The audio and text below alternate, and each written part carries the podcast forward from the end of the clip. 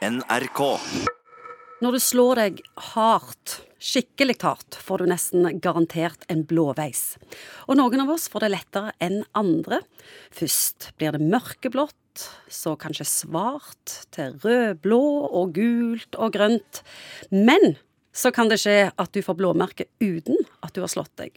Og det liker ikke legen så godt, Morten Munkvik. Hvis du ikke har slått deg og våkner opp med blåveiser, da er det forskjellige typer Det er infeksjonssykdommer som kan være alvorlige, som vi må få utelukka, f.eks. hjernehinnebetennelser og den typen ting som kan gi blødninger i huden. Det kan være bindevevsykdommer. Det kommer litt mer snikende enn at du liksom bare våkner opp en dag med plutselig masse blåveiser, men det kan være en ting. Det kan være medisiner som gir bivirkninger, og det kan være medisiner som har blødning som hovedpoeng, sånne blodfortynnende, som du har fått for mye av. Det er litt sånn forskjellige ting vi må utelukke. Hvordan ser det ut hvis du har fått den type blåveiser på kroppen?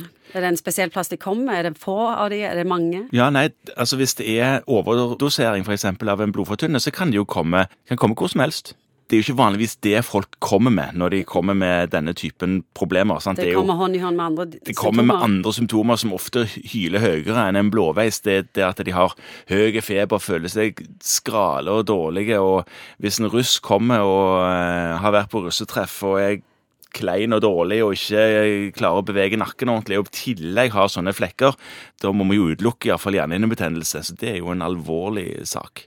Du som er lege, når du ser folk komme med en blåveis, kan du si hvor gammel han er?